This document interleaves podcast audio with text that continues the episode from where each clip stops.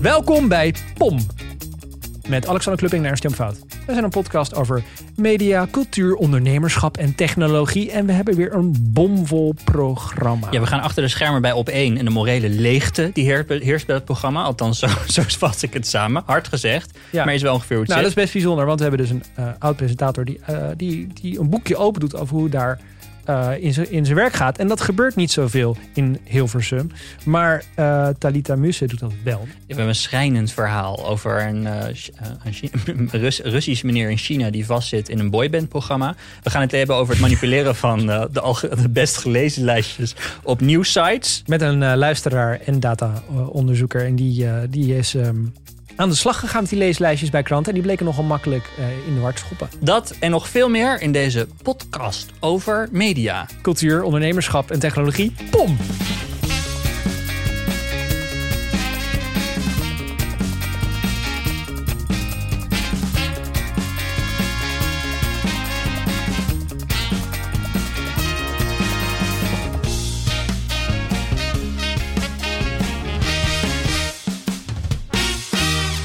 Maken! Welkom bij een podcast over media. Eh, het geld klotst hier tegen de plinten, want het is weer een nieuwe week en een nieuw verdienmodel van podcast. Yes. Spotify heeft aangekondigd dat in gevolg, navolging van Apple moet ik zeggen, Ja. want Apple kondigde een week geleden aan dat ze betaalde podcasts gingen doen in hun podcast-app die ze helemaal vernieuwd eh, hebben of gaan hebben. Eh, Spotify gaat dat nu ook doen. Ja. En een paar opvallende dingen. Eén, ze komen een week later met deze aankondiging dan Apple. Dus er is een eh, rivaliteit tussen beide bedrijven, voor zover dat nog niet duidelijk was. Ook in ieder geval op dit gebied. Ook lekker voor Spotify dat ze zich zo positioneren. Ja. ja. En Spotify kon dan dus ook op Apple reageren. En Mhm. kon zeggen, wij gaan het gratis aanbieden aan makers. Ze gaan niks aan ons vragen, zeiden ze. Dat is waar het op neerkwam. Eh, daar bleken wel kleine lettertjes Want bij te zijn. Apple, even voor de record, ze Ja. hebben bijna een derde van onze, van onze subscriptions kwijt. Apple benadert het als een app. Dus je betaalt 30% commissie. En je twee, vanaf je tweede jaar 15% commissie. Dat betalen alle appmakers die digitale goederen maken. En Apple laat Spotify, eh, podcast daar ook gewoon onder vallen. Ja. Spotify kiest een andere route. ja, want onze Zweedse vrienden zeggen gewoon heel vriendelijk, je mag alles houden. Nou, ze zeggen dat, maar dat is niet helemaal zo. Het is wel een frame wat veel is overgenomen. Maar Ben Thompson die prikt daar, zoals altijd, keihard doorheen. Wat Spotify doet, is dat ze inderdaad eh, niks vragen. Maar dat ze wel transactiefees eh, voor de betaling vragen. En als je dan gaat kijken hoeveel dat is, dan loopt dat, dan loopt dat stiekem best wel op. Daarnaast gaan ze vanaf 2023 wel geld vragen. Want eh, hoe, tot hoeveel loopt dat op dan? Ehm, ben Thompson maakt een berekening. Stel je vraagt 5 dollar voor je podcast per maand. Ja. Dan hou je daar over twee jaar. Dus dan hou je het eerste jaar even voor al die berekeningen buiten Ja. schot. Bij, bij Spotify eh, krijg je dan als maker hou je 4 dollar en 31 cent over. En bij Sp- Apple haal je 4 dollar en 25 cent over. Dus dat, dat scheelt toch zeker 6 cent. Ja. Eh, dus dat gaat nergens over. Dus in feite vragen beide bedrijven... Het lijkt alsof Apple veel minder sympathiek is dan Spotify. Maar het valt in dit geval echt wel heel erg mee. Oké. Eh, wat Spotify wel gaat doen, en dat is, ja, het is enorm nerderig, maar wat zij mogelijk gaan maken is dat als jij op een, andere, op een ander platform een betaalrelatie hebt, dus stel je eh, neemt een eh, podcast subscription via een website, zoals bij ons vriend van de show, dan gaat dat werken via Spotify. Dus dan kun je dat betaalmodel laten werken via Spotify. Hoe dan komt er een API? Nee, zij gaan OAuth daarvoor gebruiken. Oh. Dus dan log je als het ware in met vriend van de show binnen Spotify en dan werkt, die, dan werkt dat heerlijk, zo. dat is fijn. Dus eigenlijk omarmt Spotify daarmee het open web. Eh, maar is het wel een beetje clunky, want je moet wachtwoorden invoeren. Terwijl Apple niet het open web omarmt, zoals altijd. En gewoon een heel simpele betaalknop op die in één keer werkt. Maar met alle nadelen van dien, namelijk dat je dat Apple inlog weer niet kan gebruiken in Spotify. Dus wij kunnen vriend van de show gewoon aan Spotify vastknopen op een gegeven moment. op, dat op een gegeven moment gaat dat kunnen, ja. Ja, dat is goed nieuws. En dat maakt voor onze luisteraars niet uit, want die zijn niet bang voor wachtwoorden. Groene vrienden noem ik ze. Onze groene vrienden. Geen groene vrienden. groene Ja. vrienden. Nou, lang leven Spotify. Dat is positief. ben je nog ergens boos over? Jij bent een beetje de Jan Mulder van deze podcast. Vertel, waar ben je boos over? Het ding waar ik deze week boos over ben, Ernst. Ik heb dit voorbereid. Maar dat zijn, dat, ik heb dan gedurende de week kom ik dingen tegen. En dan realiseer ik me gewoon, dit kan ik tijdens de podcast vertellen. Ja, je hebt een podium. Ehm, RIVM maakt elke dag coronabesmettingen bekend. Mhm. NOS neemt die elke dag over. Ja, het is mijn soort- favoriete cryptogram van de dag. Het is een soort standaard nieuwsbericht waarin dan staat hoeveel besmettingen er zijn, hoeveel ziekenhuisopnames er zijn en hoeveel dat meer en minder is dan gisteren. Het is altijd een die, vast eh, tramien. Die Jiskevet sketch dat ze een spel gaan spelen, volgens mij eh, stiften of zo. En dat er dan elke keer weer een nieuwe uitzondering in het spel komt, waardoor uiteindelijk eh check in the box eh, Nou, dat onafvolgbaar is. Dat is het. Want Ja. ook deze week stond er weer, sinds 14 april zijn er niet zo weinig nieuwe besmettingen gemeld. Oh ja, ik zal dit stuk daarvoor ook voorlezen, want dan is het nog grappiger. Tot 10, oh, tot 10 uur vanochtend zijn er bij het RIVM 6257 nieuwe coronagevallen gemeld. Komma. 1797 minder dan gisteren. Dat is een hoop hè, op dat getal. Ja. En dan volgt de zin. Sinds 14 april zijn er niet zo weinig nieuwe besmettingen gemeld. Maar die dag was een storing. dus dan ben je als journalist bezig om je standaard invuloefening te doen. Ja. Dan denk je, oh, dat is best, best veel. Best veel minder dan gisteren. En dan zet je daar een zinnetje over bij. Namelijk, oh, dat is, dat is echt een record. Ga je nog opzoeken sinds Ja. welke datum dat record er is. Dus je doet je journalistiek eh, werk, maakt er een mooi verhaal van. Om dan af te sluiten met, toen was er een storing. Suggestie, die dag misschien overslaan. Want een dag met een storing zegt niks. Het is toch en net zoals dat iedere maandag is het ook lager. Want op een- dit is dat ik, ik vind je leert Nederland ook kennen in die cijfers. Dus in het weekend worden minder storingen of minder eh, besmettingen doorgegeven. Want zo werkt dat in Nederland. In het weekend hebben mensen een weekend. Ja. Eh, Dus dan zijn die cijfers op maandag altijd lager. Dus iedere maandag staat bij de NOS. Het is eh, met x lager dan gisteren. Nee, Nou, Top. Ik ga naar het sorry. Dat kunnen we op de soundboard zetten, dat geluid. Maar goed, om eh, het intro eh, af te sluiten met iets positiefs. Ik heb ook een nieuwe, ehm, Het Eh, tiphoekje van Alexander. ik heb een nieuwe nieuwsbrief Je hebt ontdekt. een nieuwe substack. Die heet Glimps. Nee, het is geen Substack. Het is, een, eh, het is gewoon een start-upje. Glimps. eh, G-L-I-M-P-S-E. Ik zal het ook een zetten. Glimps. En wat zij Glimp. doen, is zij proberen trends te ehm, ontwaren uit mensen hun zoekgedrag.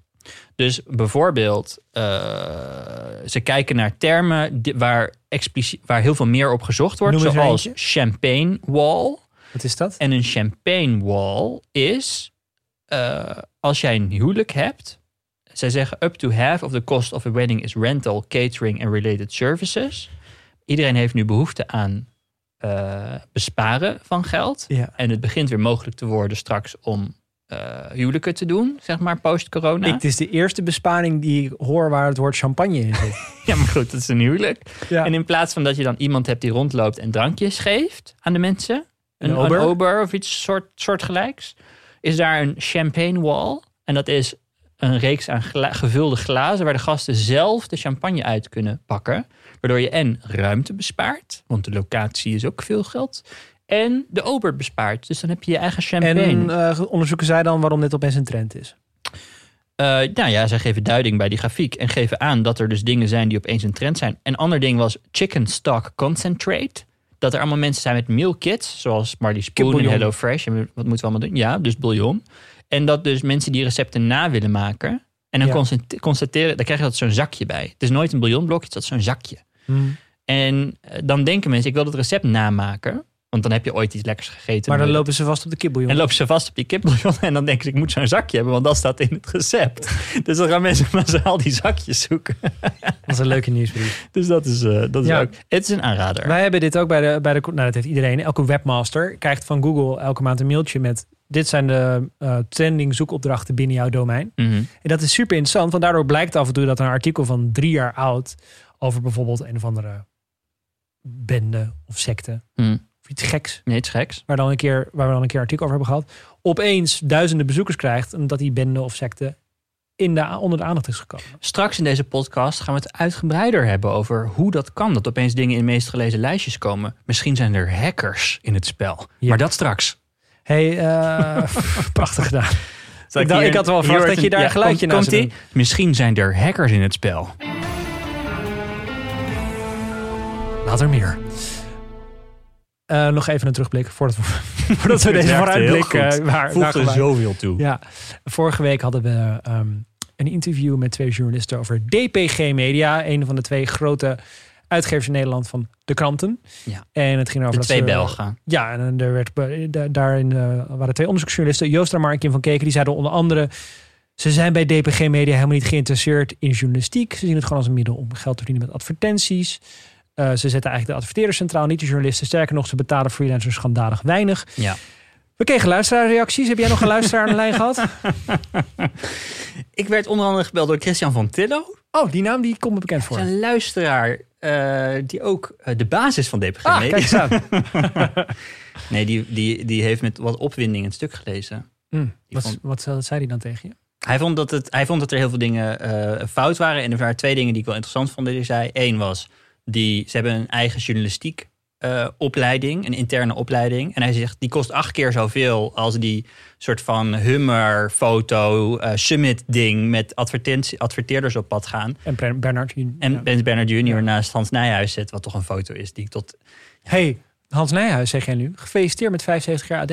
Jij ook, Angela? Wacht,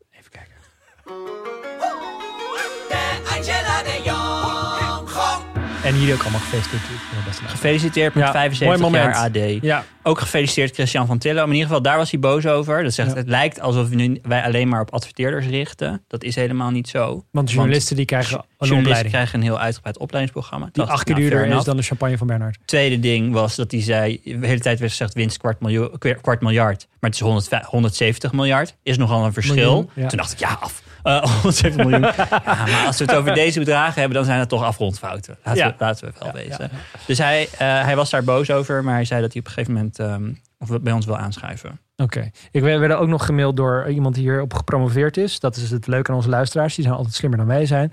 Eh, Mathilde Sanders, eh, die is gepromoveerd op de eigenaarstructuur van, van media, zoals DPG.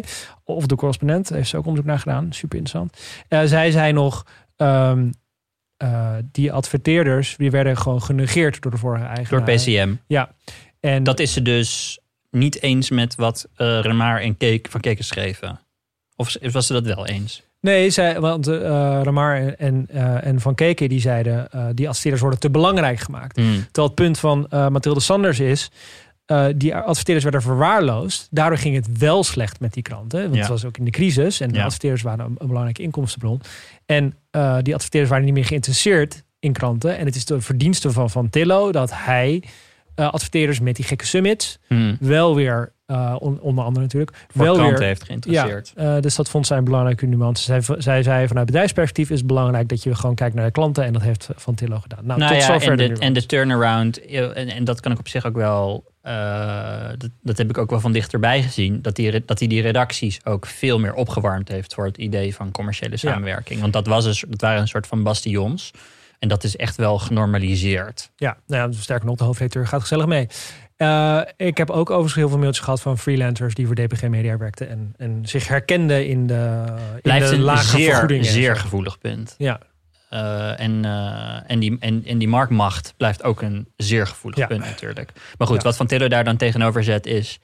ja, maar we strijden allemaal tegen Facebook en Google. En eh, liever dat je gegevens bij ons staan dan bij, dan bij Facebook en dat Google. vind ik zo'n lastig argument. Aan de ene kant ben ik daar gevoelig voor. Want fijn dat we nog Europese bedrijven hebben die met onze data aan de haal gaan. Dan houdt het in ieder geval nog een beetje onder ons. Ja. En dan zijn ze ook nou, zitten ze ook onder de Europese wetgeving, die op dit vlak beter is dan Amerikaanse wetgeving of Chinese wetgeving, om wat te noemen. Mhm. Aan de andere kant is het natuurlijk ook een argument waar je je, marktmacht, je eigen marktmacht altijd mee kan relativeren. Ik bedoel, zelfs Amazon doet dit door te zeggen: in retail zijn we maar een Ja. heel kleine speler. Ja. Terwijl ze natuurlijk overal gewoon het hele internet beheersen. Ja. Oké, laten we het hebben over mijn favoriete onderwerp. Productiviteit. Heel graag. Daar wil ik het weer eens over hebben. Heel fijn. Daar gaat het heel lang niet over. Heel fijn. En dat komt ook een beetje omdat als ik het erover heb, dan hoor ik allemaal van die stemmetjes in mijn, in, eh, zo, niet in Je hebt mijn stemmen in je hoofd. Daarover hebben? Ik ben zo productief dat ik doorgeslagen ben, een stemmetje in mijn hoofd. Nee, van als je het over productiviteit hebt, dan ben je eigenlijk een slaaf het kapitalisme. Oh, Of eh, je probeert je alleen maar meer in het eh, neoliberalistische systeem te proppen. En een onnauwkeurige discussies over productiviteit. misschien moet je wel denken aan wat voor vrienden jij uitkiest, Ernst. Ja. Daar kun je misschien ook iets in veranderen. Maar goed, Nou, het zijn niet zozeer eh, vrienden ook. Het is ook gewoon op, gewoon Twitter. op de Twitter en zo. Ja. Ja. Misschien moet ik Zet ook het over mijn. Twitter gebruik Zet het nadenken. Ehm, maar dat komt.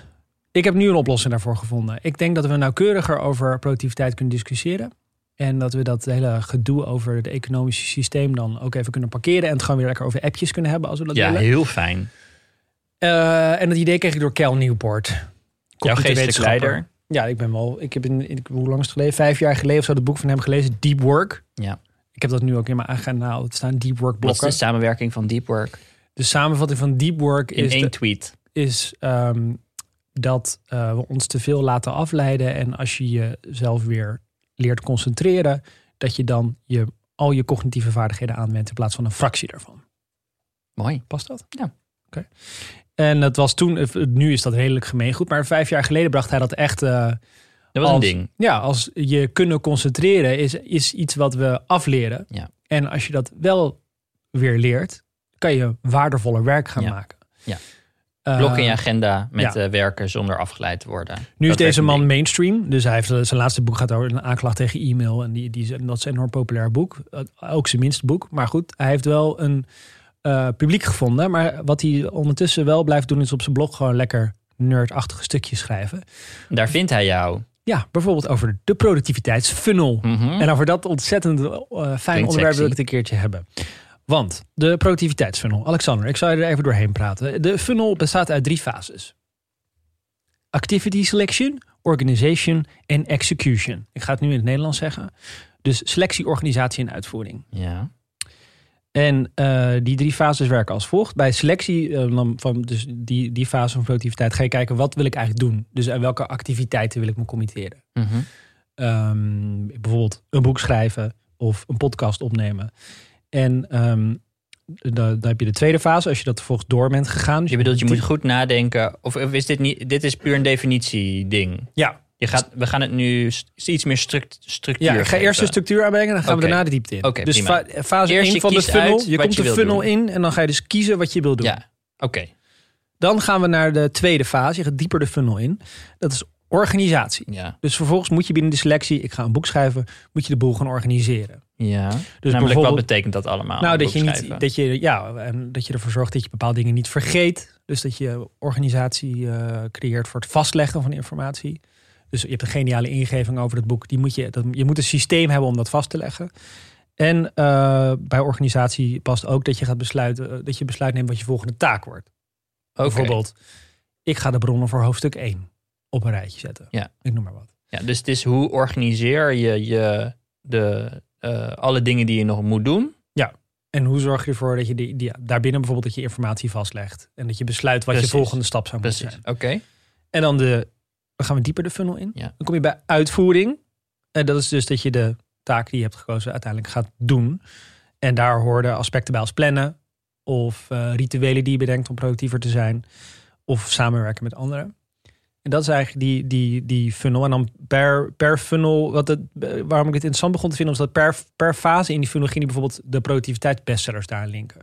Dus het lijkt alsof het een ratje toe en allemaal productiviteitsbestsellers is. Maar eigenlijk kan je die ook in de drie fases opdelen. Dus bij selectie hoort bijvoorbeeld dan boeken als eh, Essentialism of eh, The Year of Yes of The Dip. Dit gaat over... Ik heb hier geen enkel van deze boeken heb ik ooit van gehoord. nou, dat zijn die boeken die gaan over wat wil je eigenlijk in je leven? Wat, wat is eigenlijk, Ja, wat ja. vind je belangrijk? Het is wat holistischer. Ja, waar ga je op richten? Dus het past bij dus die, die selectie. Hm. Eigenlijk grip, wanneer iedereen heeft grip gelezen, hoofdstuk 3 van grip. Ja. Dus uitzoomen. en Wat kijken- voor mens wil je eigenlijk zijn? Ja. Wat wil je eigenlijk bereiken? En waar wil je aan werken? Ja, en dan eh, bij de organisatie horen dan boeken als Getting Things Done of een bullet journal. Ja.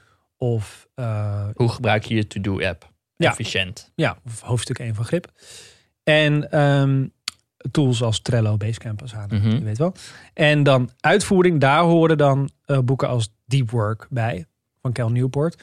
Of een ander fantastisch boek van, over productiviteit, The War of Art. Heb ik daar wel eens over verteld? Nooit van gehoord. Van Steven Pressfield. Nooit van gehoord. Dat is een Amerikaan, dus het is helemaal doorspekt met oorlogsmetaforen. Lekker. Echt een macho boek over. Pardon. een macho boek over productiviteit. En hij heeft het daar. Het centrale concept daarvan is het verzet. The resistance. Mensen lezen dit om dan in Door het verzet heen te breken. ja, dus Oorlogsmetaforen, dat vind ik Ja. mooi. Ja, ja, dan moet je maar eens op letten. Dat oor- hoeveel eh, oorlogsmetaforen er gebruikt worden in, eh in substekjes die, ook, bij- die we ja, allemaal ja, lezen. ja, ja, ja. Ongelooflijk. Ja, geloof ik ook eigenlijk wel. Maar de resistance is bijvoorbeeld, eh, het verzet is niet alleen eh, dat gevoel dat iedereen heeft als je aan een moeilijke taak gaat werken, dat je het gevoel hebt van ik wil het eigenlijk niet doen. Ja. Maar ook dat je niet in jezelf gelooft. Uh, of dat je denkt dat je eigenlijk niet die ene passie achterna moet gaan. Daar heeft hij een heel uh, macho, maar wel heel goed boek over geschreven hoe je dat En hoe past dat bij execution in plaats van bij selection? Nou, ehm, omdat het bij execution heel vaak misgaat. Dat mensen dan vervolgens... eh, ze, hebben, ze hebben dus gekozen, ik ga het boek schrijven. Ze hebben, eh, ge- ze hebben het vervolgens de organisatie daarvoor. Dus ze weten hoe ze het vast gaan leggen, die informatie. Maar dan moeten ze het gaan uitvoeren en dan gaan ze toch de afwas doen. Hmm. En dit, dus, dat- dit gaat Ja. ook heel erg over hoe, hoe breek, doorbreek je ehm, bijvoorbeeld ja, die, dat, dat, dat uitstellen wat we allemaal doen. Ja. Je eigen beperkende patronen. Ja. Nou, waarom ben ik enthousiast over de productiviteitsfunnel? ja, waarom ben je daar enthousiast over? Nou, de, de- ten eerste wat ik natuurlijk net zei, dat politiek, daar kom ik zo op. Maar, maar wat sowieso vanuit zelfhulpperspectief, als je niet die stemmetjes in je hoofd hebt zoals ik, is dit ook heel nuttig. Zelfhulpperspectief namelijk dat je ehm, productiviteit kan je heel erg verliezen in het beste to-do-appje kiezen en daar Mhm. eindeloos mee bezig zijn. Herken Ja, je dat? ben ik Misschien schuldig Alexander. aan. Ja.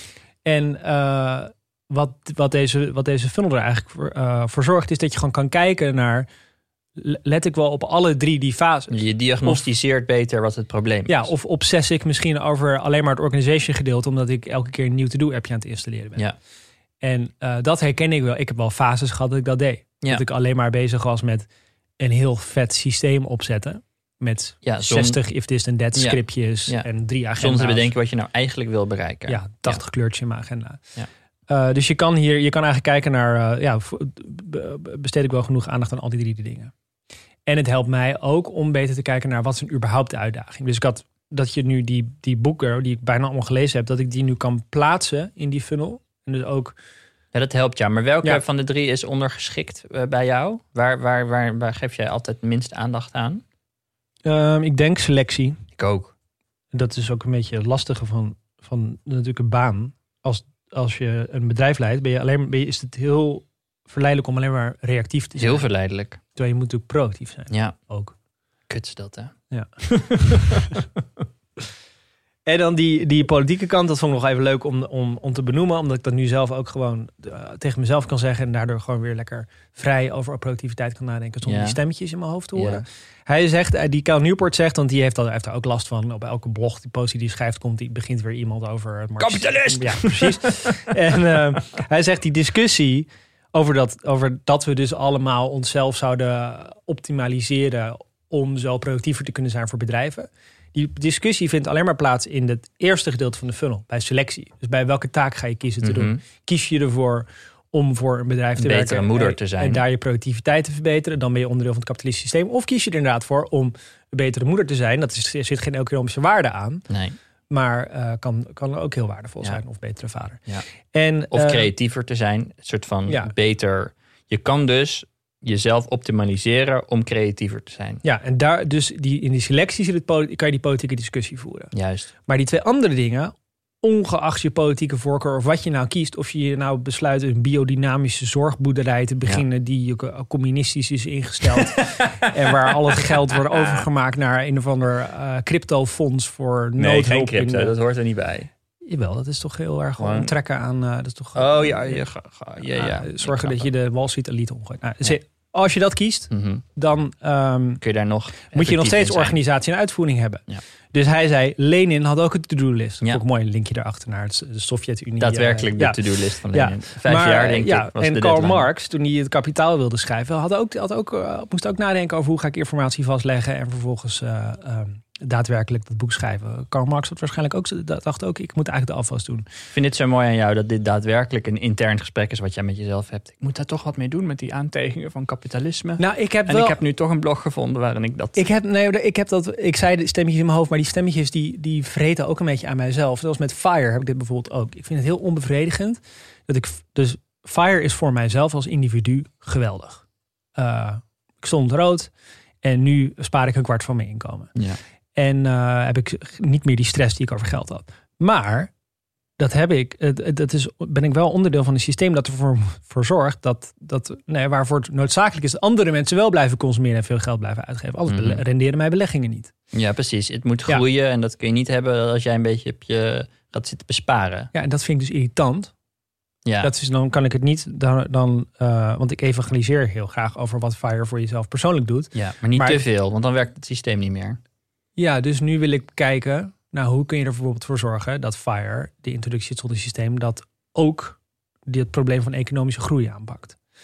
En eh, daarom, daarom was ik deels blij met dit Cal Newport stukje, omdat ik nu lekker helemaal eh, mijn, mijn nerdkant kan, kan projecteren op de, eh, in die funnel op uitvoer en organisatie. En dat bij de selectiekant, daar, daar kan ik het proberen intellectueel recht te breien voor mezelf. Maar dan kan ik nog ondertussen wel gewoon zonder schuld voor die appjes installeren. Het siertje, Ernst, het siertje. Ik weet dat het uit een goed hart komt. Heb jij daar geen last van? Nee hoor. Nee. Ik heb ook, ik ben bitcoins staan ook lekker eh, waarschijnlijk te roken in van de eh, kolenmijn in China. Je channelt gewoon je inner Charlotte van het Woud. Ja, zoiets. Oké. Nou, laten we maar gauw weer dan. Dan stel ik voor dat we een activist gaan inbellen om dit een beetje te compenseren. Zo, dat was veel het nieuws de afgelopen tijd. Talita Muze, die eh, was presentator van Op1, samen met eh, Sven Kokkelman. Eh, en op de nacht van eh, had zij ergens opgeroepen om op het Binnenhof bij elkaar te komen om actie te voeren. Volksberaad. een volksberaad. En dat vond de KRO en CRV niet zo grappig. En die hebben er toen gezegd, je moet je mijl houden over politiek. Je mag lekker vraagjes stellen over andere dingen, maar je moet je mijl houden over Ja, politiek. dus de la- bij de laatste uitzending van het seizoen mocht ze nog wel presenteren. ja, Maar eh, bij het politieke item moest ze dan stil zijn. ja, Dat vind ik wel echt een heel creatief verzoek. heel creatief. Ja. En toen zei zij, go fuck yourself. Dat zei ze niet, maar dat denk In ik. zoveel woorden. Ja. Eh, En ze kwam niet opdagen. Dat kwam niet op dag. Dus dat is allemaal saillant. Dus dat Sven Kokkelman daar opeens alleen.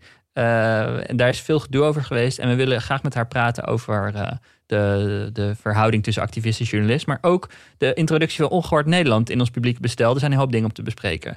Talita Muse. Hey. Hey Talita. Jij werd gevraagd, eh, eigenlijk zonder eh, dat je journalist bent. Je noemt jezelf ook geen journalist. Werd je gevraagd voor een talkshow met, voor, met, met een miljoenen publiek. Eh, Ja. En eigenlijk juist omdat je zo'n uitgesproken mening hebt. Ja. Waarom, waarom zei je ja tegen die klus?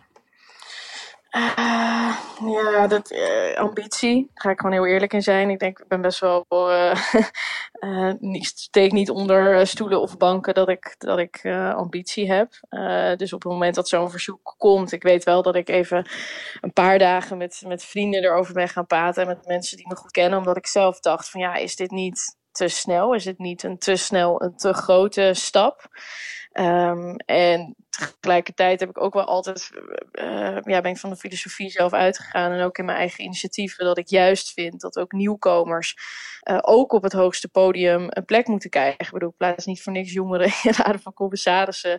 Mhm. Eh, en heb er altijd voor gepleit van ook, nieuw, ook, ook geen ervaring is een, een kwaliteit. Omdat je daarmee niet in het dominante denken zit en Mhm. een fris, fris perspectief biedt. En je ook eh, andere ervaring inbrengt. Dus dat je geen ervaring hebt als eh, presentator op zo'n hoofdpodium, maar wel ervaring op andere manieren. Eh, die, kan, die kunnen ook juist van toegevoegde waarde zijn. Dacht je ook, dit is een manier om maatschappelijke verandering teweeg te brengen? Dus je bent natuurlijk vrij activistisch ingesteld. Dacht je, dat kan ik hier ook mee, mee bereiken?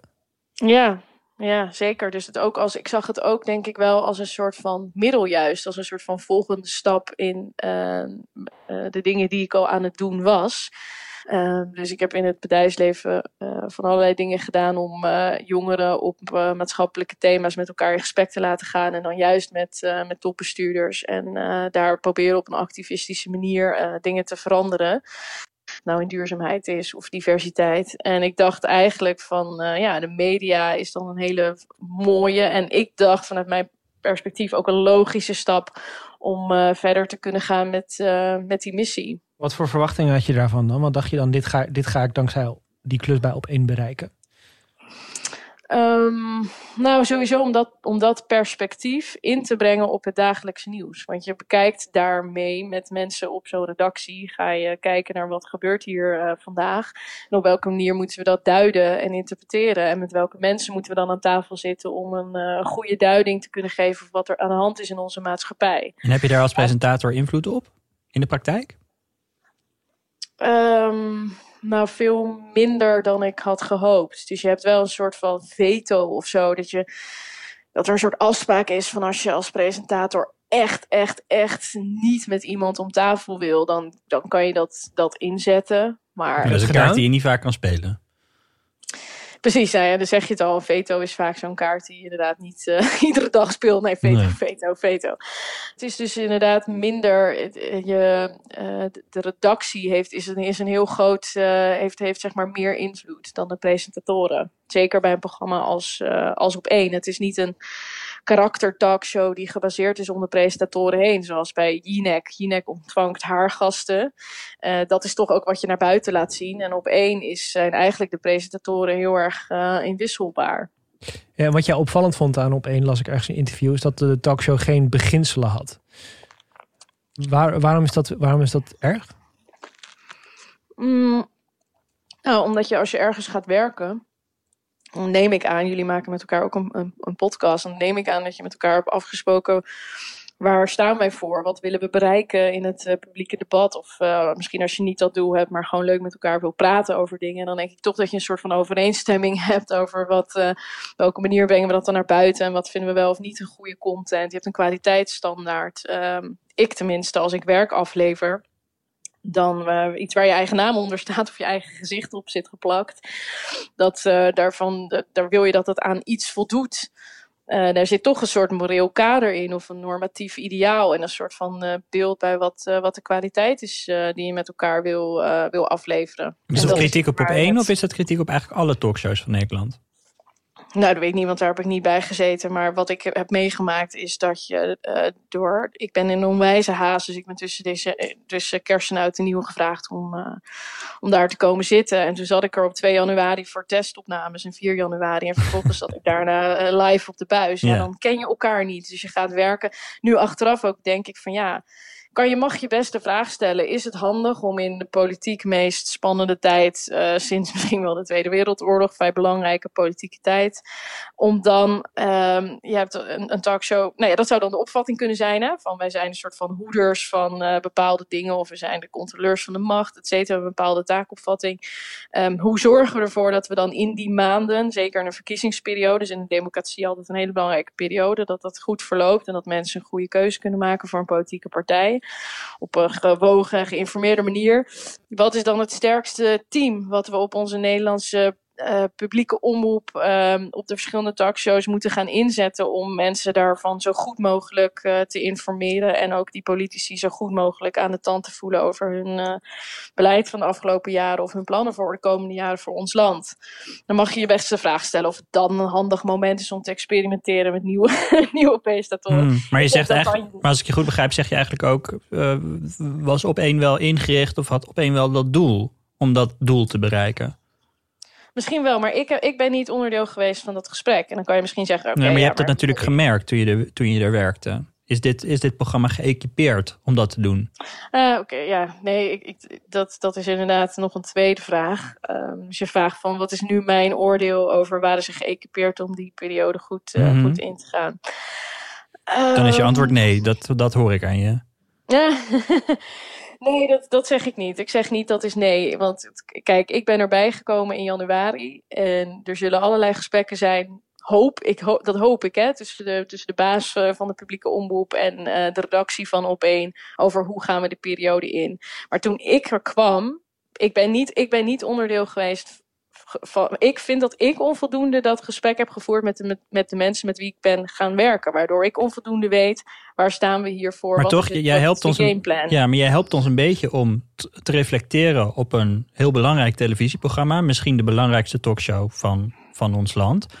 Wat, wat vind je dat soort van. Wat is de ingebakken raison d'être van, van op één? Nu je dit van dichtbij hebt gezien en er makkelijker achteraf over kan praten. Over een relevant. Relevant dat we daar um, ja, open over kunnen praten voor zo'n programma. Dat vind ik heel relevant. Ja. Dat vind ik heel relevant, omdat precies om wat ik net zeg, vanwege en de periode waarin we zitten, maar niet alleen daardoor, gewoon omdat dus, het een dus wat hele is je, belangrijke rol heeft. Wat is je visie daarop?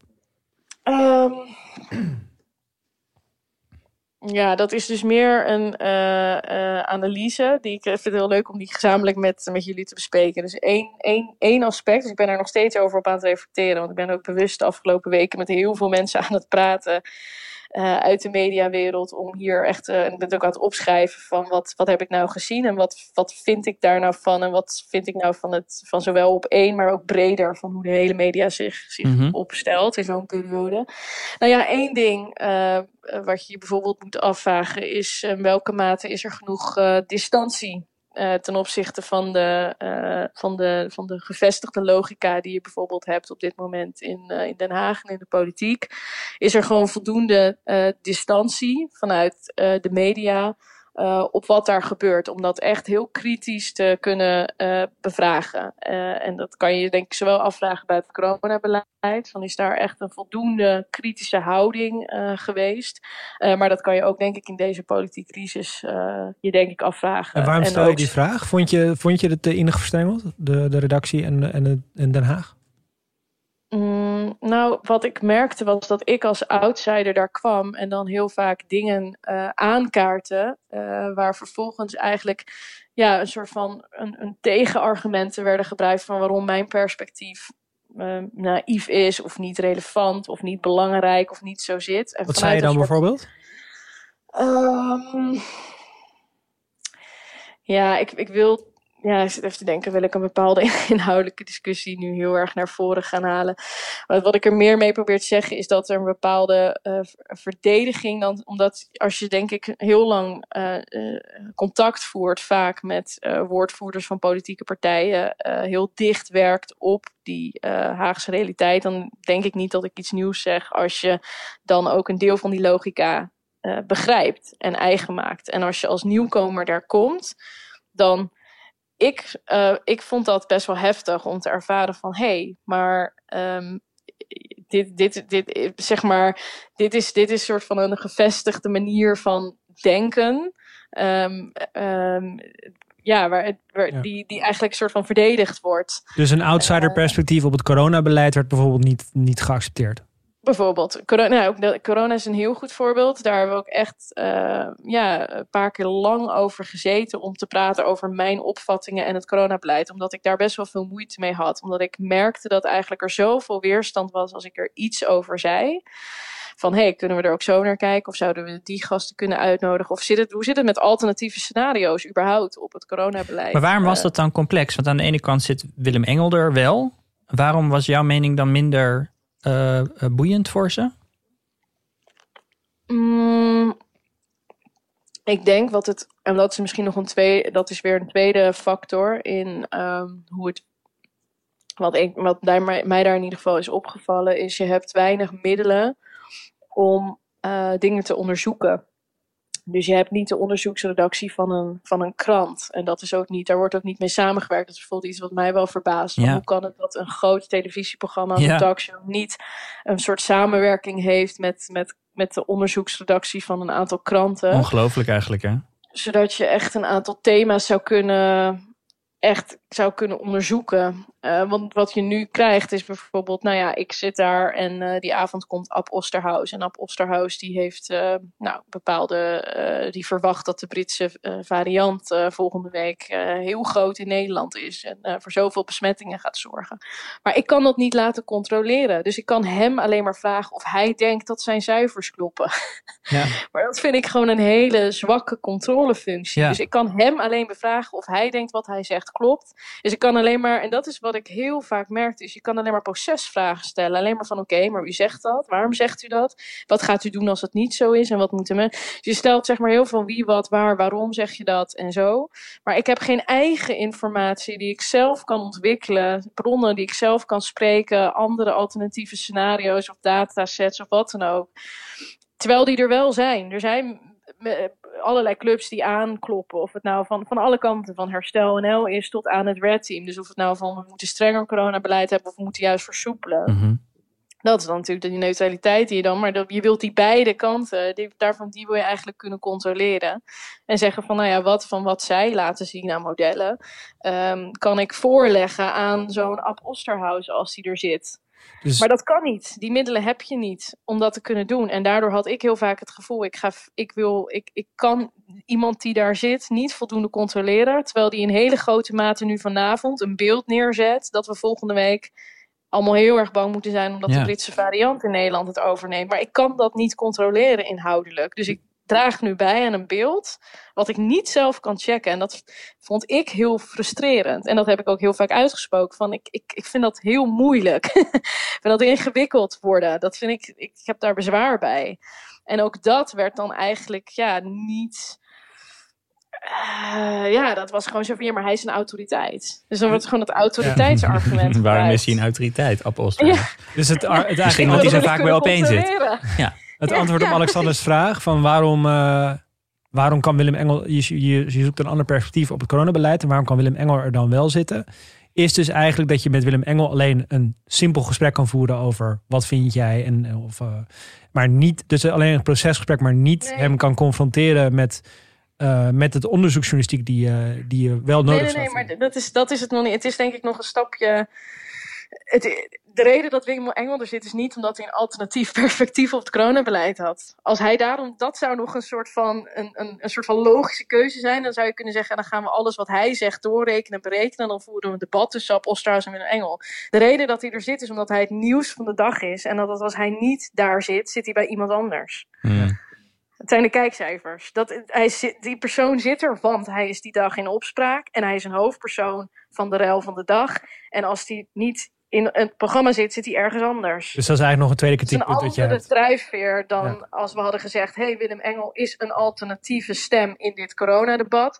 Laten we eens gaan uitzoeken met onze journalisten... hoeveel van wat hij zegt zinnig is en of controleerbaar is. En laten we die feiten van hem eens voorleggen... een keer als er hier een viroloog zit. Dat zou, dat, dat zou Mhm. denk ik, de dat zou de taak zijn geweest, denk ik, van de media in het hele coronabeleid. om al die alternatieven heel grondig te onderzoeken. En daarmee het vuur aan de schenen te leggen van uh, uh, de virologen en de mensen van het OMT. Dus je zegt distantie tot Den Haag, expertise, namelijk je eigen onderzoeksredactie. en de rol van kijkcijfers om types zoals Willem Engel. Um, daar neer te zetten in concurrentie met andere talkshows. Waren er nog andere grote thema's die voorbij zijn gekomen? Of hebben we ze zo'n beetje? Mm, nou ja, dan toch die, uh, uh, die neutraliteitsopvattingen. Dus um, ik, ik, ik kreeg het gevoel van naar buiten is de schijn van neutraliteit dan belangrijker dan of we het van binnen objectief zijn. Mm. En dat is natuurlijk, terwijl ik denk, de, de methode... Door gewoon twee stemmen tegenover elkaar te zetten die het niet met elkaar eens zijn, bedoel je? Precies, precies. Ongeacht dat het twee verschillende orde ja, van grootte zijn. Ja, ja, dus die discussie over van, hè, uh, uh, wat je ook een beetje in de medialogica reportage had, van ja, we moeten uh, meerdere geluiden laten horen, uh, naar buiten toe laten zien dat we een, een, tafel zijn waar iedereen bij kan aanschuiven. Maar binnenkamers, als je intern dus kritiek geeft op een bepaalde dominante logica of een bepaalde manier van denken, uh, of van hè, zijn we hier nu wel voldoende objectief of waarom kijken we niet naar andere geluiden, dan is dat eigenlijk dus dan is, gaat, is daar minder oprechte aandacht voor dan voor, denkt het publiek, dat we gewoon een neutraal platform zijn. Dat is althans zoals ik het, zoals ik het heb ervaren. Hey, en je zei net, uh, er, er, waren geen beginselen. Wat had het voor jou? Dus je zei eigenlijk ook, op één had geen moreel kader. Wat had jouw werk anders gemaakt als dat er wel was geweest? Als er gewoon een dokje op de bedrijfsserver had gestaan met dit zijn onze, dit zijn onze beginselen, dit is ons moreel kader. Hoe had jij dan als presentator anders gewerkt? Mm, hoe had ik dan als presentator anders gewerkt? Nou ja, kijk, waar ik natuurlijk op een gegeven moment mee in botsing ben gekomen en wat ertoe heeft geleid dat ik de laatste uitzending niet heb gedaan, is omdat er een, um, opeens een, een bepaalde opvatting uh, naar boven kwam van nou, um, een presentator of een journalist mag niet betrokken raken bij een, uh, mag, niet, mag geen actie voeren. Dus wat je hebt gedaan is opeens te activistisch en dan er is blijkbaar een hele duidelijke lijn opeens waar je over bent gegaan. En daardoor kan je niet uh, s'avonds meer meepraten aan een politiek uh, item. Dat was in ieder geval de eis van je mag zoveel minuten in de uitzending niet praten. Ja, uh, dan, dan komt er dus opeens alsof er een soort van heel duidelijk kader opeens is tussen van, nou ja, wat is wel neutraal, wat is niet neutraal, wat vinden we activistisch, wat vinden we wel en niet daarin kunnen. Terwijl die eigenlijk de hele richtlijn er eigenlijk nooit, ja, nooit was. Mm. Dus die wordt dan opeens erbij gepakt, omdat er in de publieke opinie een soort van verontwaardiging ontstaat. En dan is het uit een soort van beschermreactie uh, van nou, uh, er zijn wat mensen die vinden dat Talita nu in opspraak is geraakt. En er komen in de avond uh, mensen van de VVD aan tafel zitten. En iedereen vindt het al moeilijk, moeilijk, moeilijk. Bert Huisjes zegt er wat over in de media. Dus nou, beschermende reactie bedwingen. En dan halen we een, een, opeens een, een, een, een richtlijn erbij of zo van nou, je bent nu overduidelijk te ver gegaan. Maar op, dat, maar op basis van wat? Dat zijn dingen, denk ik, die je van tevoren met elkaar uh, heel erg moet uh, doorspreken. Het, het, mag best een legitieme opvatting zijn dat zij zeggen: onze presentatoren uh, begeven zich zo min mogelijk in het activisme, zijn altijd neutraal naar buiten toe, zijn gewoon hele neutrale figuren, hebben nooit persoonlijke opvattingen. Um, maar dan mag Jort Kelder ook geen boekjes meer schrijven over de euro. Ja, maar dan ben je consistent. Dus dan is er één duidelijke norm. Dan ben je consistent. Maar dat, moet, dat, moet, jou toch, dat moet jou toch een soort van uh, hoofdpijn gegeven hebben... dat Jort Kelder dit wel mag en jij niet. Ondanks dat jullie allebei op één presentatoren zijn. Nee, maar het, het steekt mij niet dat Jort Kelder iets... Ik ben, ik, want ik vind meer van, oké, nou prima. Hè, dus dan, ik zou meer van de lijn zijn om te zeggen dat mag wel. Uh, dus ik vind het niet vervelend dat hij iets wel mag wat ik niet mag. Ik vind het vervelend dat er geen consistente norm en gedachtegang nee, maar het is, de, het, is de het is de morele leegte waarbij ze. Het is de waarbij totale ze... willekeur. En op het publiek, het is zo van: oké, er ontstaat dan ophef. En dan willen misschien bepaalde mensen vanavond niet aanschuiven. die we wel willen hebben, want anders gaan ze misschien ja. ergens anders. Ja. Het is zeg maar die dynamiek ja. waarvan je weet, daardoor is die keuze tot stand gekomen. En hij komt oh, niet vanuit een oprecht. Uh... En je, gaat, je gaat een boek schrijven, neem ik aan. Ja. nou, daar was ik al uh, een half jaar mee bezig voor. Uh, maar hierover? kwam op één. Uh, nou, dit is wel een onderdeel ervan, omdat het dus wel een ervaring is die. Waar gaat ja. het boek over dan? Het boek gaat over bestuurlijke vernieuwing en de jonge generatie. Dus dat ging eigenlijk veel meer over wat ik in het bedrijfsleven de afgelopen jaren heb gedaan. En hoe jongeren in de top een andere mentaliteit en, en denkwijze en perspectief binnenbrengen. Maar eigenlijk is mijn eigen ervaring nu in hoe je als je snel versneld op een toppositie komt en in welk krachtenveld je dan belandt en hoe er dan wordt gereageerd op die vernieuwing. En ook welke fouten ik hoor. Ik heb zelf daarin ook dingen onhandig aangepakt en niet goed gedaan en me, mezelf iets te overmoedig. Uh, wat, wat ik nog een, een, spanning vind in wat je net zei. De ene kant zei het is belangrijk dat er iemand zonder ervaring dit gaat doen. Daarom had je ja gezegd, dat je een nieuwe, nieuwe blik. Maar daarna, later zei je in het gesprek je kan je afvragen of het verstandig was om in zo'n moeilijke politieke tijd, politieke tijd iemand daar neer te zetten die geen ervaring heeft. Ja. Is dat die spanning? Ja, dat, dat is denk ik. denk dat dit. Het is soort van niet, niet zwart-wit. Want ik denk dat als je. Um, een nieuw iemand bij een, een, een. Kijk, als je, het is een beetje soort van wat komt eerst. Als je eerst met elkaar zegt van oké, nou dit is de periode die we ingaan, dit is de journalistieke opvatting, dit is hoe we het gaan aanpakken. Dan kan je vervolgens best wel kijken van oké, en kunnen we daarin ook juist vernieuwende perspectieven. Want juist een nieuw perspectief op die toeslagenaffaire of op andere grote dingen in deze crisis zijn ook relevant. Maar dan doe je dat wel vanuit een soort van uh, stabiele uh, basis. En nu ben ik voor mijn gevoel in ieder geval, dat is mijn perspectief, heel erg terechtgekomen in een, een situatie, in een organisatie, een groep mensen die dagelijks werkt aan ons nieuws. Wat een superbelangrijke grote taak is.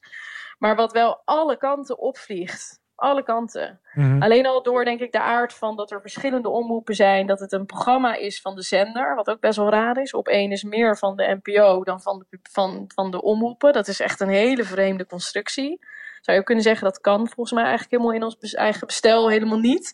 Dat de zender eigenlijk een soort eigen talkshow heeft waar de nou goed, dat is ook dus dat creëert dan een soort van onwijze onrustige dynamiek. Um, ja, en dan kom je daar als, als, als nieuw persoon in. En als, dan is dus eigenlijk wat er is gebeurd, is het zo van ja, je kan daar dan dus alleen in slagen. Als je dan dus gewoon meehobbelt met de, de trein en de chaos waarop je bent ingestapt. En dan kan je eigenlijk ook niks nieuws toevoegen, want dan krijg je daar. Dan kan je, nee, en dan is precies, en dan kan je weer niks nieuws toevoegen. Dus, dat, dus dat zou dat, dat een conclusie zijn geweest. Dat de enige manier waarop ik er dan dus wel het, het succesvol even had afgerond, als succesvol dus is dat je niet opstapt, uh, dan, uh, dan zou dat dus zijn geweest door meer te conformeren, maar dus exact niet dat toe te voegen waarvan ik aan de voorkant dacht dat ik dat wilde toevoegen en dat ook welkom zou zijn geweest. Nou, het is in deze wereld ongelooflijk moedig dat je, en het is treurig om te zeggen, maar het is moedig dat je je zo uitspreekt, want over het algemeen worden dit soort dingen allemaal intern gehouden. En ik denk dat het ontzettend waardevol is dat je juist vertelt over de dingen die een beetje schuren en die op de achtergrond gebeuren. Ze zullen het je vast niet in dank afnemen, want zo werkt Hilversum. Maar, uh, Totaal niet, nee. nee, dat, dat geloof ik graag. Maar uh, ik denk dat, uh, dat wij allen erbij gebaat zijn dat je vooral je mond open blijft eh, trekken om hier uh, over te blijven spreken. Ja, wat, wat, ik, wat ik opvallend eraan vind, is dat je dus over alles en iedereen, weet je wel, wordt er, uh, dat is de, de, taak van de journalistiek om heel nieuwsgierig te zijn en alles te willen analyseren en begrijpen. En, en nou ja, journalisten zijn toch hele kritische, cynische mensen vaak. Maar behalve over het eigen functioneren, dat is ook wel iets wat mij heel erg opviel. Ik had vaak ook suggesties gedaan van moeten we niet um, soort van met hoofdredacteuren van verschillende media aan tafel hebben over wat is nou onze opstelling in deze crisis. En daar is mhm. een keer een debat over Interessant. En dan is het echt een soort van, wordt gewoon ja, eigenlijk toch min of meer gezegd van, nou ja, het is mediawet dat je media niet over media praat en zo. Oh, Oké, er wordt een mediawet erbij gehaald. Oh, dat is, dat is ja, echt, ja. ja. maar gewoon de, de, de, de blijkbaar ergens geschreven mediawet. Ik, ik heb zo vaak ook gehoord, ja, maar dit is een mediawet, Talita. Nee, dit is een mediawet. Als er mensen aan tafel zitten, moet je zo en zo. De- er zijn zoveel van die logica eh, dingetjes die er worden meegegeven van, nou, de gemiddelde kijker die is, zit op dit en dit denkniveau. Of Ja. eh, mensen willen dit en dit zien. Ze willen altijd een combinatie van een entertainment, een BN'er, gekoppeld aan een maatschappelijk thema. Dat je echt denkt, waarom? Weet je wel, why? Nou, we hebben straks in ieder geval Ongehoord Nederland mag vast ook een presentatorstel eh, leveren. Dus het wordt alleen maar leuker. Ja, het wordt alleen maar. Heel erg bedankt eh, eh, dat we je even mochten spreken. Talita. Dankjewel, Talita.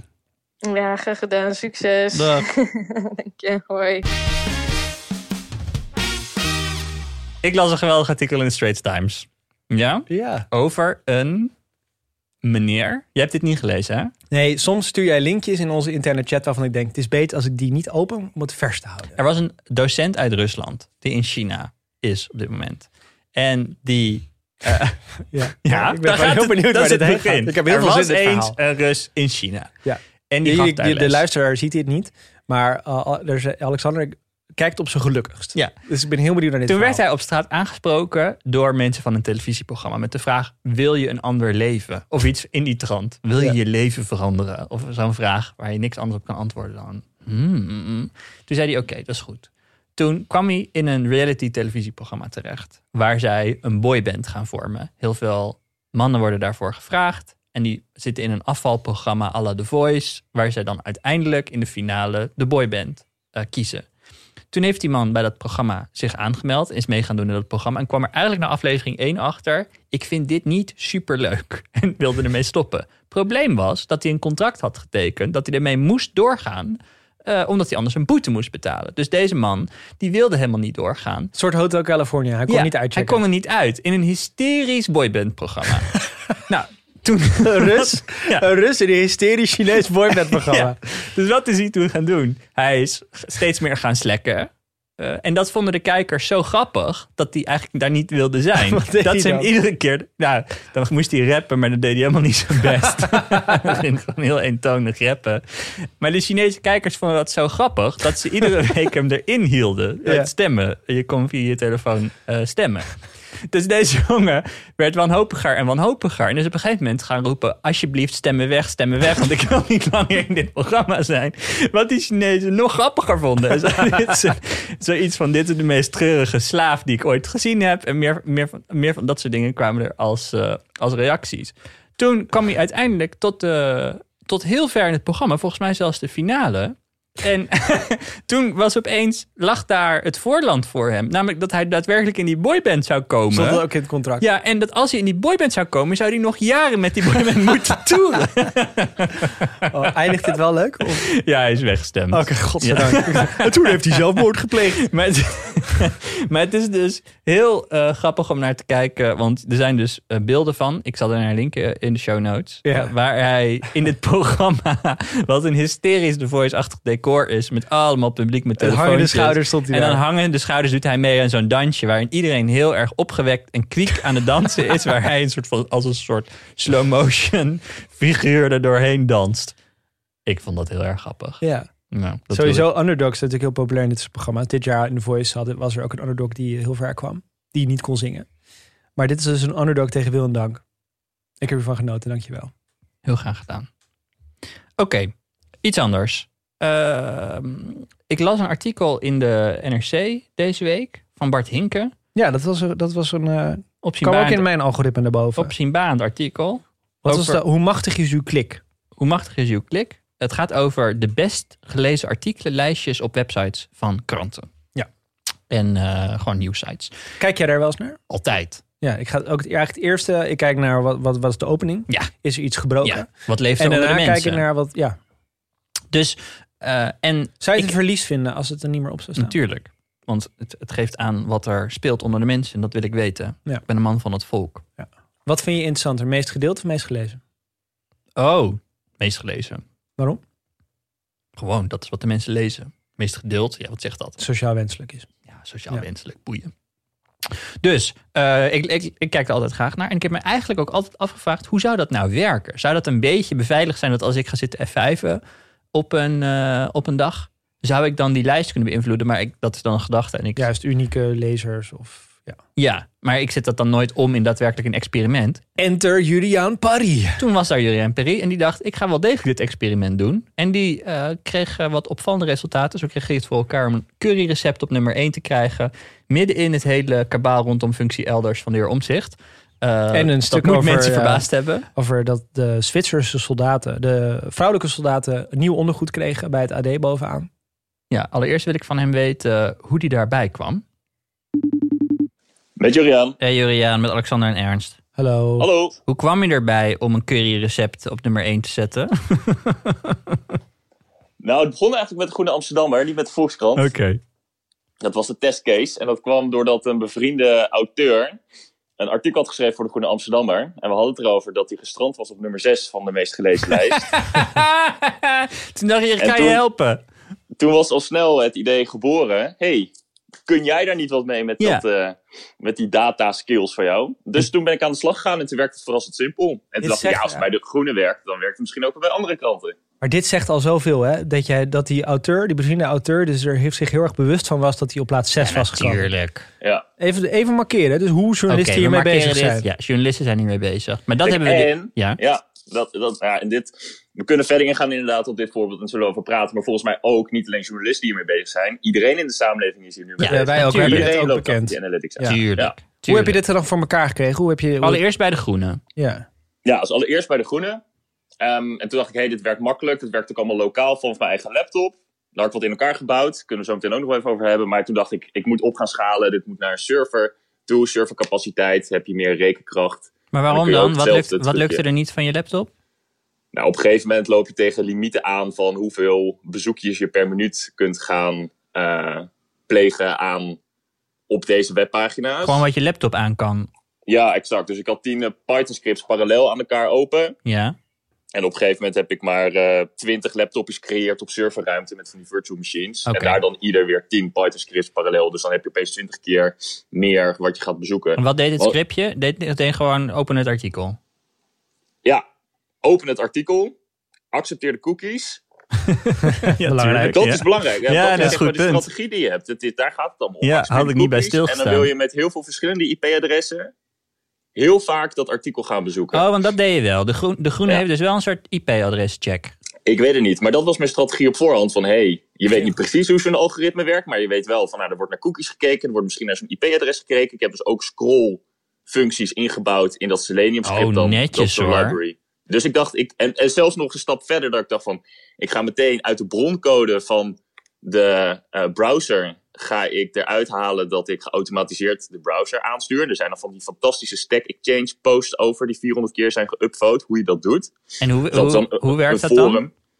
Ja, ik weet dus ook niet precies zelf hoe nou de broncode van... eh, de gecopy-paste. pro- En ja, je bent dus copy-paste. zeer maar dat, staat er heel eh, netjes uitgelegd ook van, van allemaal developers die online in Stack Overflow de EasyJet website een beetje aan het hacken zijn. Nou, niet hacken dus, maar aan het niet manipuleren, maar aan het scrapen zijn. En hoe ze dat dan Maar geautomatiseerd waarom doen ze dat? Waarom willen ze dat met EasyJet?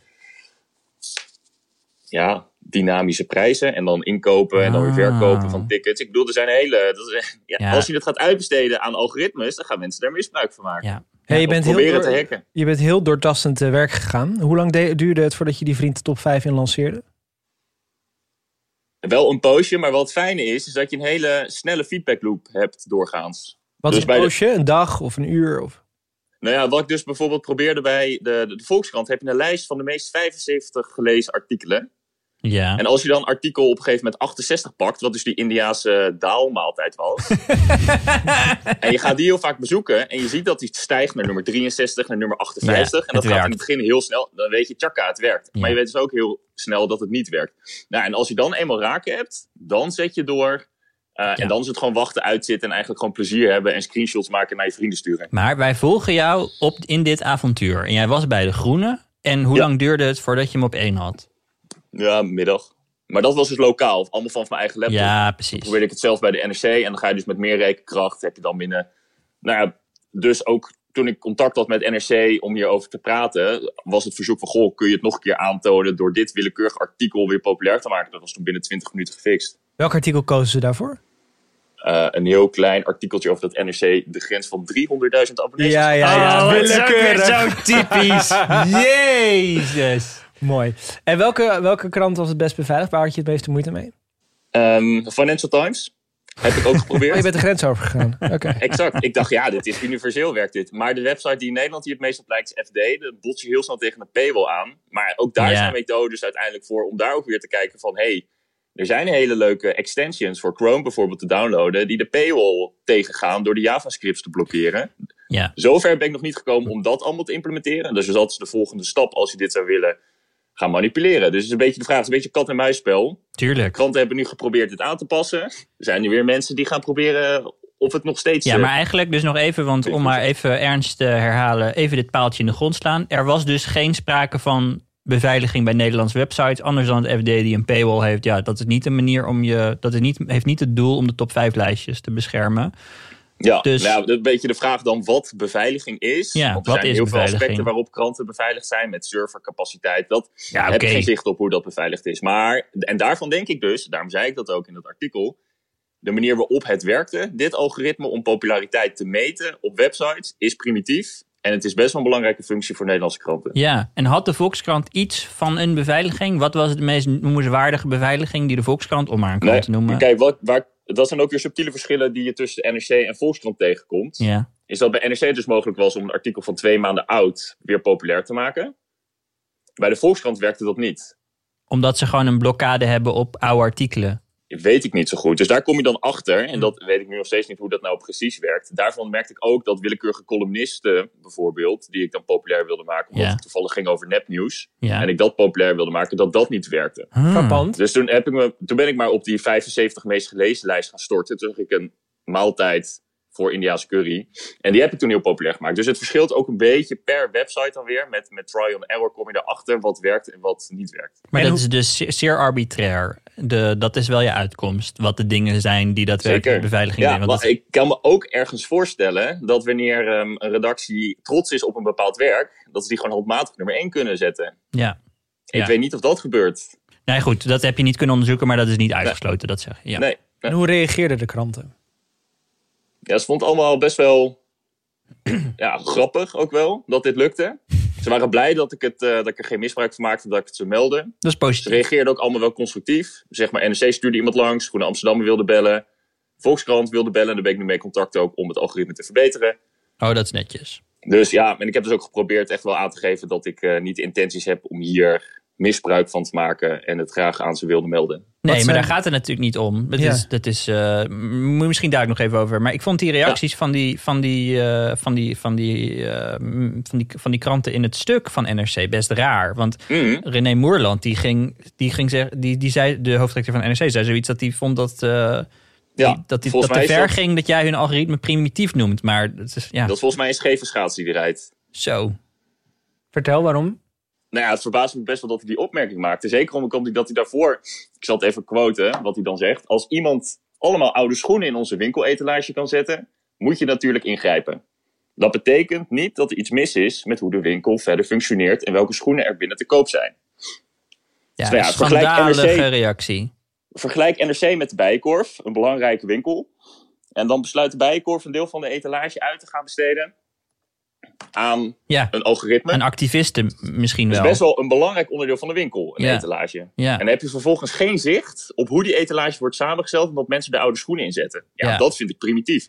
Dus volgens mij alleen al gebaseerd op die eerdere quote, snap ik niet dat er zo'n reactie uitkomt. Want volgens mij lopen daar dan. Ja? Je wilde ook iets over kwijt. Ja, Alexander. nou ja, ik word daar heel boos Jij van. zei schandalig. Vertel, waarom vind je Het het is toch heel erg raar, want je kan allerlei inderdaad politiek gemotiveerde eh, stukken vinden. Weliswaar geschreven door NRC, ze zullen, er zal geen, geen onzin in staan. Maar alsnog heeft het effect op het moment dat je kan sturen in wat er veel gelezen wordt voor, Ja, het, het voor het sentiment. Het past een beetje in jouw trollenleggen fantasie. Dat je, Ja. dat je ervoor wil zorgen dat talkshows het over een bepaald onderwerp gaan hebben... door bijvoorbeeld een artikel op, op Twitter trending te krijgen... of op een site trending te krijgen. Precies. Wat zijn je fantasieën ermee, Juriaan? Als, als je dit verder had doorgevoerd en je had kwa- kwade intenties, wat had je dan gedaan? Nou, dit was dus bij NRC was het in aanloop naar de Tweede Kamerverkiezingen. Ja. twee dus- weken, of nou niet eens twee weken, een week ervoor. Ja.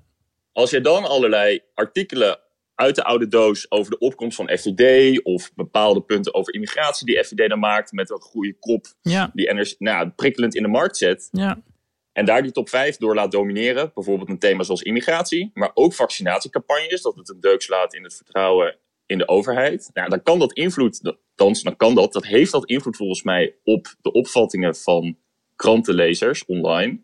Ja, en hoe dat zich dan weer vertaalt naar politieke stemgedrag, weet ik niet. Maar het is volgens mij heel onwenselijk. Want even voor de record, Julian. Die, niemand had het door van die kranten, voor zover jij weet, voordat jij ze... Nou ja, wat je dan hoort van mensen waarmee je belt bij de krant en ook bij de Groene Amsterdammer, dat het dus wel gemonitord wordt. Ja. Welke artikelen goed doen. Dat ze dan denken, hey, Ja. Er kijkt af en Hè? toe iemand naar. hoe kan het nou? Hij is, hij is van op plaats 6 geweest, dan zakt hij weer terug en dan komt hij opeens. Ja, alsof zij de serverlogs induiken. Nee, ik geloof Dus daar geen reet van. Is dat we gaan checken op eh, andere sociale media platformen, LinkedIn, Twitter, Facebook, of het artikel daar hard gaat. Ja, dit is wat wij bij de correspondent ook doen. Als wij zien dat een artikel heel populair Ja. aan het worden is, gaan we natuurlijk Eh, dus onderzoeken wat eh, Volkskrant zei van, goh, we hebben misschien een eh, vegetarische trend over het hoofd gezien. maar goh, hè, we, we laten het overwaaien, het zal wel. Ja. Dat Hey, dachten ze. Even voor de record, wij hebben wij, wij bij de correspondent niet zo'n best gelezen etalage, maar we zien natuurlijk wel wanneer dingen populair zijn. Vind Mhm. jij dat, dat, sta je überhaupt achter die best gelezen etalage of moet die gewoon helemaal weg? Nou, ik pleit niet echt per se dat die weg moet, dat die afgeschaft zou moeten worden. Want het, het dient een bepaald doel. Die het best wel te legitimeren valt. Namelijk dat je lezers wil informeren over wat er speelt onder medelezers. Dus ik kan me voorstellen dat je ergens op een webpagina of op de homepage wel een sectie wil hebben als krant. Een krant is uiteindelijk ook een commercieel bedrijf, snap ik ook. Dat je die functie of die dienst, zeg maar, je lezers wil aanbieden. Snap ik. Maar waar dus mijn kritiek ook over gaat, en dat is waar de discussie volgens mij ook een beetje door elkaar loopt, is dat dit disproportioneel vaak, deze rubriek, de meest gelezen rubriek, op wordt gedrongen aan lezers online. Elk artikel ongeveer wat je leest van de Volkskrant en NRC, staat het meest gelezen rubriekje weer. Mm, En daarvan denk ik, dat is te vaak. mm. En waarom staat hij daar zo vaak? Wat is de functie daarvan? Ja, lekker. Commercieel gedreven. Ja. En, Hey, en maar zijn er dingen die in dat. Ja, sorry, zijn, zijn er dingen in dat kat-en-muisspel eh, wat nu gaat volgen? Want zij, ja, zij gaan betere beveiliging inbouwen. Maar zijn er dingen in de- waardoor dit geen kat-en-muisspel gaat worden? Of, of wordt, blijft dit gewoon een, een strijd tussen kwaadwillenden... eh, niet zijn de jou natuurlijk, want je hebt ze erop gewezen. Maar tussen potentiële kwaadwillenden en de, de technici van deze kranten. ja, ik denk het wel. Het is een beetje de vraag of hier nou echt eh, Russische, Chinese hackgroepen of trollgroepen inspanningen op gaan eh, leveren. Weet ik niet zo goed, maar het blijft kat-en-muisspel. Volgens mij is dat met heel veel Hmm. eh, dingen zo, ook met phishing attempts en zo. Ja, wat, is het belangrijkste wat, je, wat is het belangrijkste wat je gaat adviseren? Ja, ik zou het dus alleen baseren op abonnees. Dat zijn uiteindelijk de betaalde Hmm. leden van de krant. En dat is heel makkelijk in te bouwen met een paar regels code. Ja, En ja. baseer daar gewoon. Het is ja, van Ja. abonnees voor abonnees zoiets. ja. Heeft nu.nl niks aan, maar Nee, exact. Wij hebben bij de correspondent hebben bij elk artikel staan hoe vaak het gedeeld is door leden. Mhm. Maar we hebben daar geen etalage van. Doen we het dan zo goed of moet je, moeten we nog iets verbeteren? Nou ja, je kunt heel veel dingen kun je manipuleren. Dus ook, of nou ja, automatiseren ook. Ook als artikelen gedeeld worden. Hetzelfde trollenleger. geldt op een gegeven moment ook voor proefabonnementen afsluiten. Hmm. Je hebt van die studentenhuizen die gewoon geautomatiseerd hebben dat ze iedere maand weer een nieuw proefabonnement krijgen. met een nieuw e-mailadres. Dus ja, het is, en dat is mijn kritiek. Als je het uitbesteedt aan systemen, dan proberen mensen er misbruik van te maken. Dus neem Ja. het niet voor lief. En veel mensen gaan er te naïef mee om. Zo ook dus de hoofdredacteur van het NRC volgens mij. Ja. Dus je kritiek is tweeledig. Eén, eh, kijk naar hoe je het presenteert. En twee, kijk kritisch naar hoe je, als je dan vervolgens ervoor kiest om met zo'n algoritme zo'n lijstje samen te stellen, hoe je dat algoritme inricht en hoeveel menselijke aandacht daar dan voor is. Ja, exact. En ook vooral hoe wordt deze populariteit gemeten en wat voor naam krijgt het? Want nu werkt het ook de schijn van een objectieve maat. Mhm. Het meeste, het beste. En dat vind ik te sensationeel eigenlijk ook. Nou, en bij deze een oproep aan de heren Moerland en Remark om niet zo defensief te doen over als ze iets fout doen, maar gewoon sorry te zeggen en een shit te fixen. Exact. Ja. Heel erg bedankt, Juliaan. Joe, Dank je. oké. Hoi. Groetjes. Hoi hoi. Dit was POM, een programma van Ernst Fout en Alexander Klupping. En een team dat in, in professionaliteit ver overstijgt. Gaat steeds beter die zin. Dankjewel. Bianca Schrijver voert de redactie, Botte Jellema is opnameleider en Ivo de Mas is ons zakelijk meesterbrein, helaas gaat hij afscheid nemen. Dan gaan we later nog Hij gaat er een heel vet project werken. En dan gaan we er op een dag groots lanceren in deze podcast. We horen het eh, bij het podcastnetwerk Dag en Nacht Media. Onze huisstijl is ontworpen door Verve. De tune is van Timber. En wie onze meme op Instagram maakt is nog steeds strikt geheim. Ja, en niemand komt er ook achter. Het is fantastisch om te zien. Er zijn vrienden van de show bijgekomen die wilden horen wat wij allemaal vinden van betaalde podcast Ja, eh, strategie van Apple. toestroom. Ja. Ik heb nog nooit zoveel nieuwe vrienden gemaakt in één Dus week. gaan ze voorlezen. Zullen we het om beurt doen? Dan houden we het een beetje spannend. Ja, eh, hartelijk welkom aan David Heij, Mike, Dana Scheper, Tom, Stijn B, Vis, Han en Lyle, Jolande, Stijn, Mark de Graaf, Henk, Jules, Sarah, Lin, Vee, Bram Rijns van de Zakerij. Kijk, die heeft het begrepen. Je Ja, moet dit gewoon gebruiken om, om je in- insert reclame. ja, Mick, Tim Salabim. Ha, kan ook een grapje maken. ja, Martijn, Kees, Cyril, Martin, Tim, Ruben Seibel, Timmen, Mark Rutte. ja, staat die daar tijd voor heeft. Ja. Max, Koen Onderwater, Wouter van de Krul de Mersal Kom de Garçon, Michel, Krijn, Pascal, Thijs, Simba, nee, Samba, Samba. Samba, Geen sorry. Sorry, Samba. Ja. Pim, Janneke en Guyon. John, Schenky, Bastiaan Roel, Tom, Roemer, Chris, Marijn, pseudoniem, Sietse, Albert, Bernardo Soros, Werner, Irene, Irene Paul van den Berg, Krotalina K, Stijn Jonker, Brusselse Erik, Jan Daalder, Zoekt een huis in Amsterdam, Fulco, Groeten aan Bommy, Tim Frederiks, Rudolf, Frank, Walter Holzenhoff, Wout, Maarten, Miss D, Jan Bart, Thomas, Aljo, M, Pim, Bert-Jan Verwer, Sander Veldhuizen Davy Kroket. en M. Voor 3 euro per maand ontvangen vrienden van de show exclusieve vriendennieuwsbrieven met analyses, nabespreking van de podcast en toegang tot onze exclusieve vrienden-evenementen. Dat is binnenkort weer. Wanneer is het ook weer? 14 mei, 14 vrijdagavond mei. 14 mei. Gaan we lekker zoomen met z'n allen. En alle voordelen van ons promotionele kansspel Annex Korting Club, waar we binnenkort meer over vertellen. Wil je ook vriend worden van de show en wil je bij dat ledenevenement zijn op 14 mei? Word dan lid. Ja, en ben je expert in kansspelbelasting? Laat het ons even weten. www.podcastovermedia.nl Tot volgende week. Doeg.